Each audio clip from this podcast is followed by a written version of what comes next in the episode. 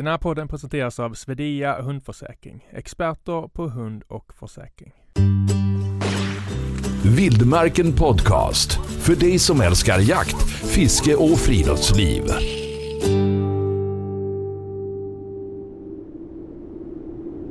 Tillsammans med vännen Emma Svensson klättrade vår nästa gäst Anton Levin alla svenska fjälltoppar över 2000 meter på tre veckors tid.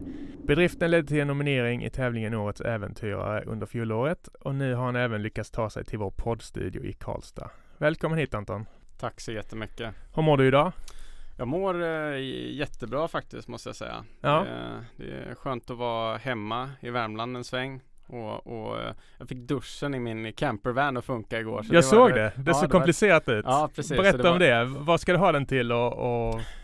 Ja, från, från början var det väl lite att eh, jag håller på med isklättring bland Mm. annat och då tycker jag att det, det är skönt att, kunna ha en, en isolerad van och kunna gömma sig på kalla vinternätter. Men Ja. också ja, för löpningen så man har någonstans att och, ja, duscha och, och någonstans att och gå och lägga sig om man är ute någonstans och springer. Men det blir inga sådär tonåringsduschar på en halvtimme antar jag? Hur mycket vatten? Nej. Hur länge Ja. räcker varmvattnet? Precis, eh, det är 40 liter så eh, ja, jag har inte riktigt räknat på vad länge det ska räcka men eh, ja, vad kan man tänka sig? Kanske en eh, fem, sex duschar kanske? Ja, ja, ja, det räcker ett tag. Mm. Född och uppvuxen i Karlstad. Men Ja. när jag pratade med dig häromveckan så var du på tunnelbanan. Det var Ja, inget snack om det. precis. Berätta, vad, vad gör du där? Jag, ja, jag bor i Stockholm, i Högdalen eh, och har bott eh, i Stockholm sedan ungefär fem år tillbaka. Eh, där jag jobbar som eh, ombudsman på Svenska Elektrikerförbundet. Okej, och du trivs bra? Ja, jag trivs jättebra. Det är, många ser ju Stockholm som en, en, eh, liksom, eh, ja, en storstad och att det är liksom, man, är, man är mitt bland eh, alla människor och att det liksom är trångt och, och högt tempo överallt. Men eh, kommer man ut lite i, i förorterna, lite närmare naturen så finns det massvis med stigar och fantastisk natur att upptäcka Mm. och det har jag försökt att göra. Men du håller till höger i, i rulltrappan och sådär eller? Ja, Du har anpassat dig lite grann. vad får du för känsla när du rullar in i Karlstad numera? Eh, ja men det känns ju som att komma hem. Jag har också blivit bättre på att, att försöka upptäcka nya saker i Karlstad. Liksom, Mm. Som att jag nästan turistar här. Men sen blir det ju också som att man vill ju se de gamla områdena som Norrstrand där jag växte upp. Där det, där det sker förändringar och, och nya hus som byggs som pratades om för tio år sedan. Liksom. Mm, det är förverkligats nu. Ja, precis. Där Ja. det börjar hända saker och nu, nu är väl liksom nästa steg när får se vad som händer med Kennets i framtiden. Precis, ja men det, det, det vet jag, men det är en annan, det är en annan Ja. podd. du har många strängar på din lyra, det märkte jag snabbt när jag fördjupade mig lite i och gjorde research. Men idag tänkte vi fokusera på äventyraren och klättraren Anton. Alltså Mm. hur, hur kom du in på det spåret och, och vad inspirerar dig? Jag vet att vi pratade här innan, vi pratade lite om e-sport och så vidare. Det känns som du har gjort en, en eh, lite spe, speciell resa. Ja, precis. Och, och, och vägen till klättringen, den är väl ganska lång egentligen. Men den, den halvlånga historien, det är väl att eh, min farsa var tillsammans med en, med, en, eh, med en kvinna som hade hundar. Mm. Så att, och när jag flyttade hemifrån då kände jag att jag ville skaffa hund. Eh, och det fick väl igång ett litet vandringsintresse. Eh, och, van, och ja, efter ett par år så var det några kompisar som ville till Kebnekaise. Okej, Eh, och jag hakade på dem eh, och vi tog oss upp till toppen. Och, och det väckte ju ett ännu större intresse för berg. ja. Och då tänkte jag att ja, men klättring och även löpning för att få lite bättre kondition var liksom bra verktyg för att kunna ta mig an lite coolare berg. Och när, hur gammal var du när ni var i Kebnekaise? Ja, vad gammal kan jag ha varit? 22, 23 Ja, ja. Mm. Det var inte så jättemånga år sedan alltså. Nej. Så. Och vad- var det första du gjorde därefter? Eh, det första jag gjorde därefter det var väl eh, vandra en vecka i Jämtland Okej. och, och i Jämtlandsfjällen och sen så började jag ja, se över min träning och mitt, mitt liv lite. Jag var väl inte i superbra form där och då. Nej men det var ju fördomen. Om Ja. du har sysslat mycket med e-sport, hur var din Precis, fysiska status precis, då jämfört med nu? precis, precis. Var det Jolt-Cola och...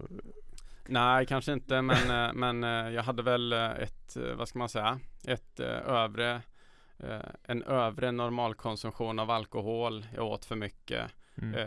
Mycket afterworks och sådär. Mm. Som det lätt blir när man flyttar till Stockholm och, och har en, ett sånt jobb där det är mycket socialt. Och rörde väl, väl inte på mig adekvat ungefär. Så att det Ja, det har hänt ungefär 30 kilo sen 30 dess. kilo? Ja. Ja, ja, då var fördomen, det stämde alltså. Ja. Och eh, hade du någon som hjälpte dig med tips eller råd eller hur, hur började? Vi ska återkomma till det lite ifall någon blir inspirerad när vi har gjort den här podcasten och ska runda av och sådär. Men, Ja. men var det någon som guidade dig från början? Eh, man kan väl säga att jag är en sån extrem nörd så jag sökte mig till eh, liksom lite litteratur och hittade en bok som heter Training for the New Alpinist som är en 400-sidig träningsbibel Okej. eh, och började liksom läsa den. Sen var det ju Facebookgrupper ja, och så vidare. Började hitta lite kompisar som, som höll på att kunna bolla lite med. Vi ska alldeles strax prata mer om, om träningen och hur man börjar och sådär. Alldeles strax. Men jag tänkte först, vi, vi tog ju upp namnet Emma Svensson Ja. i, i presentationen här. Berätta lite om henne. Du, det är din eh, klättringspartner kallade du henne innan här. Ja, precis. Emma är ju en, eh, vad ska man säga, engagerad alpinklättrare och Mm. också en uh, proffsfotograf Mm. eh, som eh, Ja, hon, hon släppte en, eh, en bok om sitt projekt där hon besteg alla Europas högsta berg under ett år för, för ett par år sedan. Eh, och eh, ja, är, vi är nära vänner och eh, klättrar tillsammans när hon, när hon är hemma. Hon Mm. är ju ute och reser väldigt mycket och, och lägger väldigt mycket tid på sin klättring. Så det är väldigt coolt att följa henne om man vill ha en, en eh, inspirationskälla. Ja, ja, ja. Och då antar jag att hon har hållit på längre än vad du har gjort? Ja, hon har hållit på ungefär ett eller två år längre. Ja, ja. Okej. Ja, bra att ni har varandra. Mm. Och när jag såg hennes, det var något som klingade bekant med hennes eh, namn och det dröjde inte länge förrän polletten trillade ner. Eh, jag jobbar lite med funkisfrågor och invigningstalade på utställningen Ikoner med Glada Hudik-gänget. Mm. Och det var där som hennes namn kom ifrån. Ja, ja, En grym fotograf. ja, Det är väldigt tillgång att ha med på era resor. Jag har ju sett era bilder Ja. och man blir ju väldigt inspirerad. absolut. Ja. Är det mycket fotografprat mellan er också? För du är också intresserad jag förstår. Ja, precis. Nej, inte jättemycket så. Det är, vi, vi är på så olika nivåer. Mm. Eh, men men eh, eh, absolut. Jag satt ju när, när hon satt och redigerade i sin van så satt jag och, och tjuvkikade lite. Ja. Men, men när man ser alla de här vyerna, blir man liksom blir man bortskämd snabbt? Eller ser man liksom det vackra i det? Nej, jag tycker ändå att man ser det vackra i det. Sen så, så behöver man ju Man behöver lite omväxling såklart. Eh, Det, det beror väl mer på alltså en sinnesställning för dagen. Mm. Alltså s- spöregnar det och, och man är mentalt trött då Mygg och skoskav. Ja precis, då får, då får vyerna vara väldigt fina för att man ska kunna gå där och njuta samtidigt. Ja. Har du någon speciell upplevelse som du kände att det var nästan utomjordiskt eller vad ska man säga? Som du kände att det här är speciellt? Ja, det var väl, det var väl två tillfällen i somras, eller ja, i somras. Eh, och det var, eh, den ena var när vi såg eh, Saitaris Chocka, som är liksom Mm. ett av Sveriges spetsigaste berg.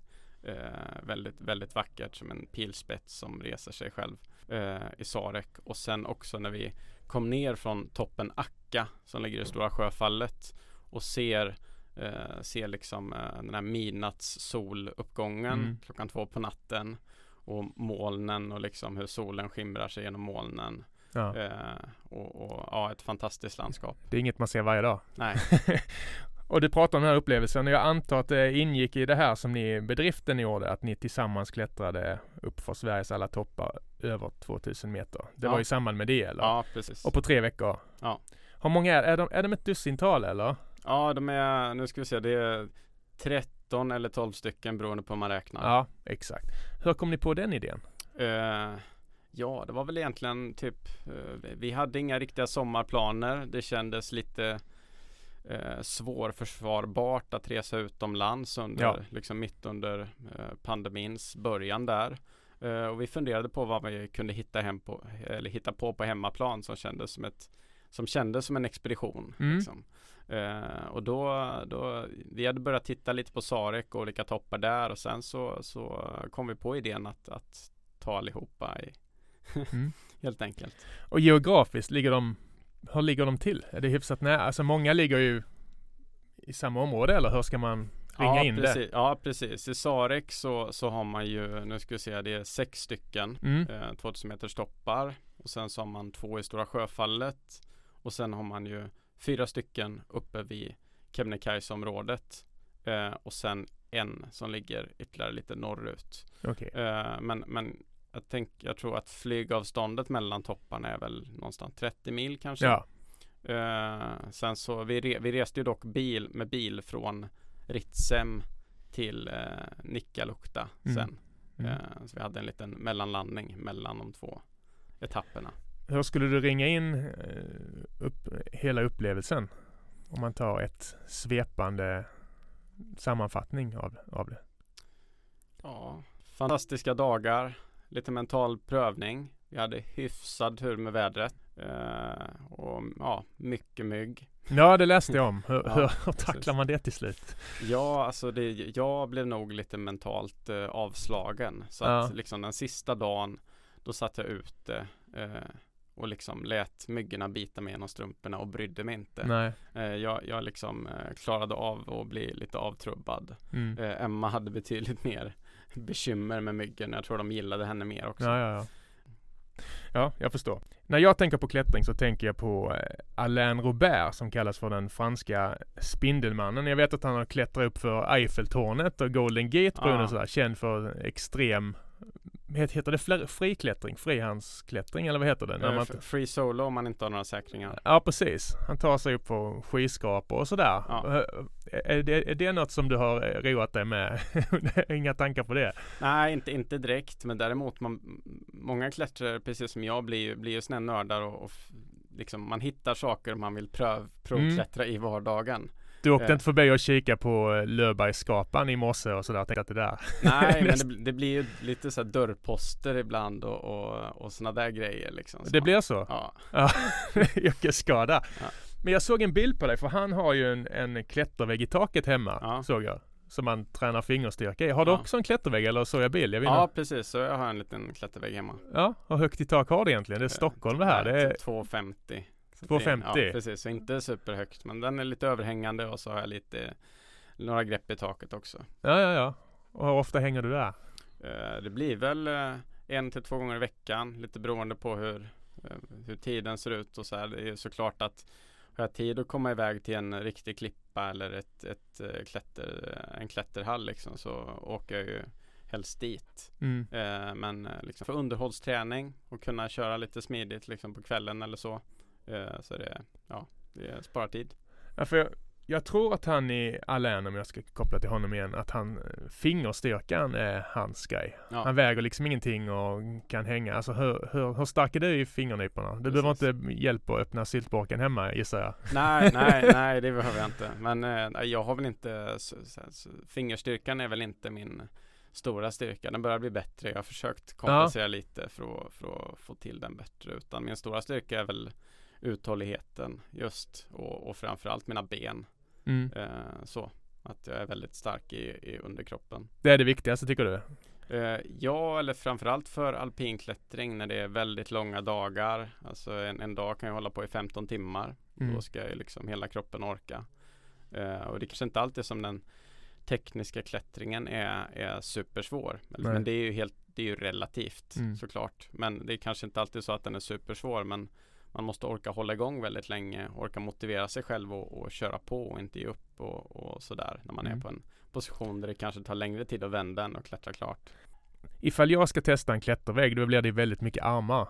Ja, Alltså är det det som är många, amatörerna gör fel eller hur? ja precis. Vad ska man tänka på när man Precis. klättrar rent tekniskt? Precis, man ska tänka på att försöka få in kroppen mot väggen så man står på sina ben. Ja, Eh, och, det här, det, och det är väldigt lätt att säga. Jag har ju tagit med hur många kompisar som helst och klättrat första gången. Eh, och alla hänger i armarna. Mm. Även fast man har berättat för dem hur de ska göra. ja. Det, det är liksom någonting i, i, i hjärnan som, som gör att det blir så. Men efter ett par gånger så börjar de liksom ställa sig mer på, på benen och hitta tekniken för det. Så det, det är lätt att säga men det, det är svårt att göra innan man liksom har, har känt Det blir inte känt. naturligt liksom, eller Nej. varför är det så trögt ja. att få in? Ja, jag antar det. Ja. Hur lång tid tog det för dig innan du... Jag antar att du inte är fullärd heller? Nej, Hur är det? nej. Är det? nej såklart. Alltså det, det finns ju alltid utveckling att göra inom klättringen. Mm. Eh, och jag hittar ju fortfarande teknikhål att jobba på. Och jag är ju ingen superstark klättrare så, utan det finns ju sådana som har klättrat betydligt kortare tid än mig som är, är mycket bättre klättrare än vad jag är. Vad är din styrka och svaghet? Min styrka är nog att jag är väldigt bred att jag eh, kan lite om det mesta Mm. och det är väl det som är liksom, jag känner är viktigt för när man klättrar alpint att man ska kunna ta sig ur de flesta situationer. För det, det, det är beslut hela tiden Ja, såklart. precis. Och det kan vara olika klättertekniker man behöver tillämpa och man kan ibland behöva klättra med yxor och ibland med stegjärn och ibland utan. Mm. Eh, och min, eh, min stora svaghet det är överhängande klättring. Vad innebär det? Eh, Alltså- när, när väggen lutar utåt. Ja, fy fan. Ja. Det är jag jättedålig på. Mina Mm. armar eh, ger upp väldigt Mm. fort. Hittar man någon annan väg då? Men det kan man inte alltid såklart. Eller Nej, hur, nej. hur löser du det? Nej precis, och det är väl just det där att, att när man klättrar berg, eh, liksom höga berg, så är det väldigt sällan överhängande klättring. Och därför har det inte blivit så mycket överhängande klättring för mig för att man stöter sällan på det liksom när man ska klättra fjäll eller i Alperna eller sådär. Om man inte verkligen väljer en sån led. Mm. Eh, så att liksom av den anledningen så har det blivit en, en svaghet hos mig. Men när du pratar om det här eh, så känner jag att jag får lite, lite puls bara vi snackar om det. Men när jag läste på om dig så, så, så sa du i en intervju att du inte gillar adrenalin så mycket. Nej precis. Det gjorde mig väldigt förvånad. För bergsklättring känns ju som den ultimata pulshöjaren för, för mig till exempel. Ja precis. Men det, ja, Stämmer citatet först och främst? ja det gör det. Ja. Eh, och det, jag tror att Fredrik Sträng har, eh, som också är svensk eh, klättrare, alpinist, eh, har, har pratat eller resonerat lik, lite likadant som jag gör här och det är att menar, så här, klättring är för mig en kontrollsport. Alltså det handlar om någon sorts kontrollbehov man eh, uppfyller. Mm. Eh, och alpinklättring är väl det ultimata exemplet på det. Att man försöker kontrollera eh, liksom sig själv, vädrets makter och, och, och eh, röra sig säkert i, i miljöerna. Och för mig så är ju oftast adrenalin kopplat till när det börjar bli farligt. Sen så finns det ju tillfällen då den där reaktionen i hjärnan kan vara ett problem. Eh, och inom klättringen så är det väldigt ofta som den blir ett problem. Till exempel att man blir rädd för att falla. Och det där måste man ju försöka liksom trubba av lite. Stresspåslag, ingen Ja. fördel. ja, precis. Nej, oftast inte. Så att eh, jag försöker jobba för att liksom arbeta bort det där eh, och känna att jag har kontroll. Och när, när jag klättrar helt utan adrenalin, det är ju när det liksom flyter på bra, går lätt, när jag har gjort allting rätt, när, när jag känner att jag inte har missat någonting, någon säkerhetsaspekt och, Mm. och så vidare. Har man gjort fel eller slarvat om man, om man liksom upplever rädsla? Nej, det behöver man inte gjort. Utan det är väl Dum fråga kanske, men du förstår vad jag menar. Ja, absolut. Nej, men eh, det, hjärnan är inte alltid objektiv. Nej. Eh, det är ju, jag menar, eh, klätt, klättrar man och, och hänger i ett rep som ser väldigt tunt ut på ett berg så kan det ju kännas som att det där, ja, det där repet kommer inte hålla mig. Och det spelar ingen roll att jag säger till, till den personen att men det här repet ska hålla för två ton. Jag, bok, jag har boxerat min bil i det här repet Mm. liksom. Kanske inte just exakt samma rep men ett Nej, motsvarande. Eh, men det hjälper ju inte för att det känns fortfarande onaturligt att ett rep. Så man måste ju ändå lära sig och, och, och lita på utrustningen och det är en liten, ett litet trappsteg att komma över. Vi kom in på utrustningen nu och det pratade vi lite om innan här. Alltså berätt, berätta om det. Vad, vad har du för utrustning och, och hur lätt packar man och så Ja. vidare? Precis, det beror ju på men om vi börjar liksom i det, i det lättaste. En ständig jakt på kilogram, eller? Ja precis, jag, eller jag försöker vara effektiv och inte packa med onödiga grejer. För att jag märkte ju när jag började vandra att man hade med sig så extremt mycket saker man aldrig hade användning utav. Eh, utan man packade med det, med det liksom för säkerhets skull. Mm. Eh, så att där har jag vänt lite på det och packa med mig uh, saker jag, jag vet att jag behöver och som kommer komma till nytta. Uh, och grejer så att jag vet att jag klarar mig oavsett vilket väder jag får liksom. För i, i svenska fjällen eller vart du än är, i vilka berg du än är så kan ju liksom ett lågtryck smälla till och det kan bli riktigt kallt och, och sådär. Så idag så dels så jag vandrar inte jättemycket utan ja, det blir en del vandring mellan berg och sådär såklart. Men, Mm. men liksom rent så här, jag går inte ut och går Kungsleden så utan då blir det mer att jag, jag springer i fjällen. Mm. Eh, och då har jag försökt hitta en, en eh, packningsstrategi för det. För att kunna springa med tält, och liggunderlag, sovsäck, regnjacka, dunjacka, eh, kök och mat. Du är en fast packing kille. Ja, precis. Och, och eh, där så är väl min, min eh, baspackning liksom med, med de grejerna jag räknade upp där ungefär 5 kilo. Och Vi kan sen- ta, vi kan ja, ta det där gre- begreppet först. Fast packing. Det, det hade jag aldrig hört om, men det tyckte jag var intressant. Ja precis, fastpacking innebär ju helt enkelt att man, eh, man packar för att kunna röra sig fort. Ja, Mm. Springa och gå i, i fjällen till exempel och kunna ta lite större distanser. Och för mig så, jag vet, vet att vissa tycker att ja, men det här med att springa i fjällen eller så här, det låter stressat och så här, men, men det, jag tycker att, att eh, ja, alla människor är olika. För mig så innebär löpning avkoppling och troligtvis så idag så är min puls lika låg som många som är ute och vandrar när jag Mm. springer. Mm. Eh, så att det Ja, vi har olika perspektiv och jag tycker att eh, alla är välkomna att röra sig på det sättet de tycker är bekvämt. De, de mentala aspekterna av klättringen, alltså vad, vad händer i din hjärna så att säga när du är ute på dina äventyr? Klättrar och vandrar i fjällen och springer. Jag går väl in i mig själv ganska mycket. Det, det, känns, det är ett väldigt enkelt sätt att bara koppla av, koppla bort allting. Eh, liksom sluta tänka på jobb eller, eller liksom andra saker och, och kunna fokusera i nuet. Sen så blir det så om jag springer väldigt avkopplat då, då kan jag ju tänka på allt. Mm. Eh, dyker upp en hel del roliga tankar också. Men eh, ja, man, man får mycket tid med sig själv eh, och jag tycker att det, är- det är skönt och avkopplande. Sen så kan man ju komma fram till något läskigt parti där adrenalinet rusar lite också såklart. Men, eh, men det är just den där ja, men tiden med sig själv och sk- skala av allt annat som är, är skönt. Vi ska prata om din, din träning snart. Men om vi börjar med det mentala, alltså hur mycket jobbar du med det? Eh, När, när du förbereder dig och så vidare.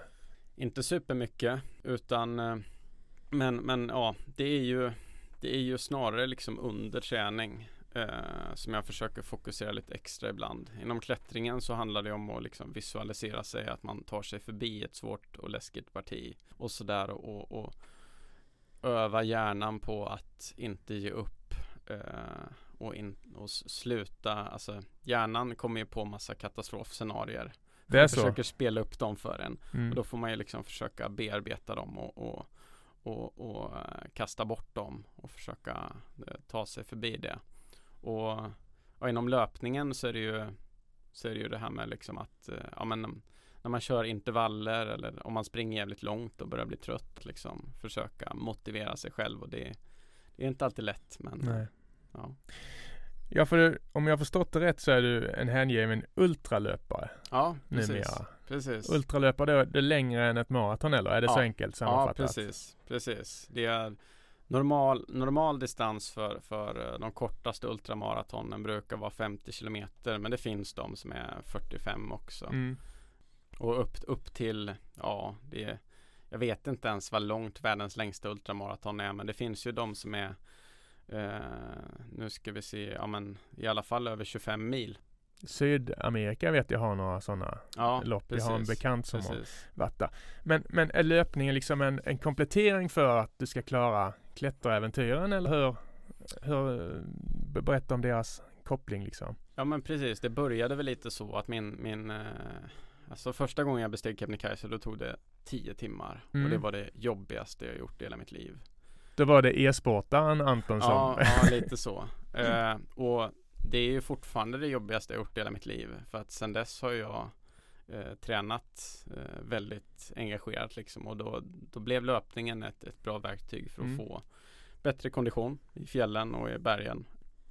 Och eh, eh, idag så har ju har ju liksom en, en passion för även löpningen växt fram. Men Mm. i början var det inte så utan det, det var mer ett nödvändigt ont. Men idag älskar jag ju löpningen. Precis, så det var det som fick dig in på det spåret. Ja. Och jag, jag har sett i någon annan intervju att ett mål var, eller du sa så här, jag drömmer absolut om 8000 meters toppar och det, sku, och det skulle vara ett mål och då utan syrgas. Ja, Berätta om dina framtida mål.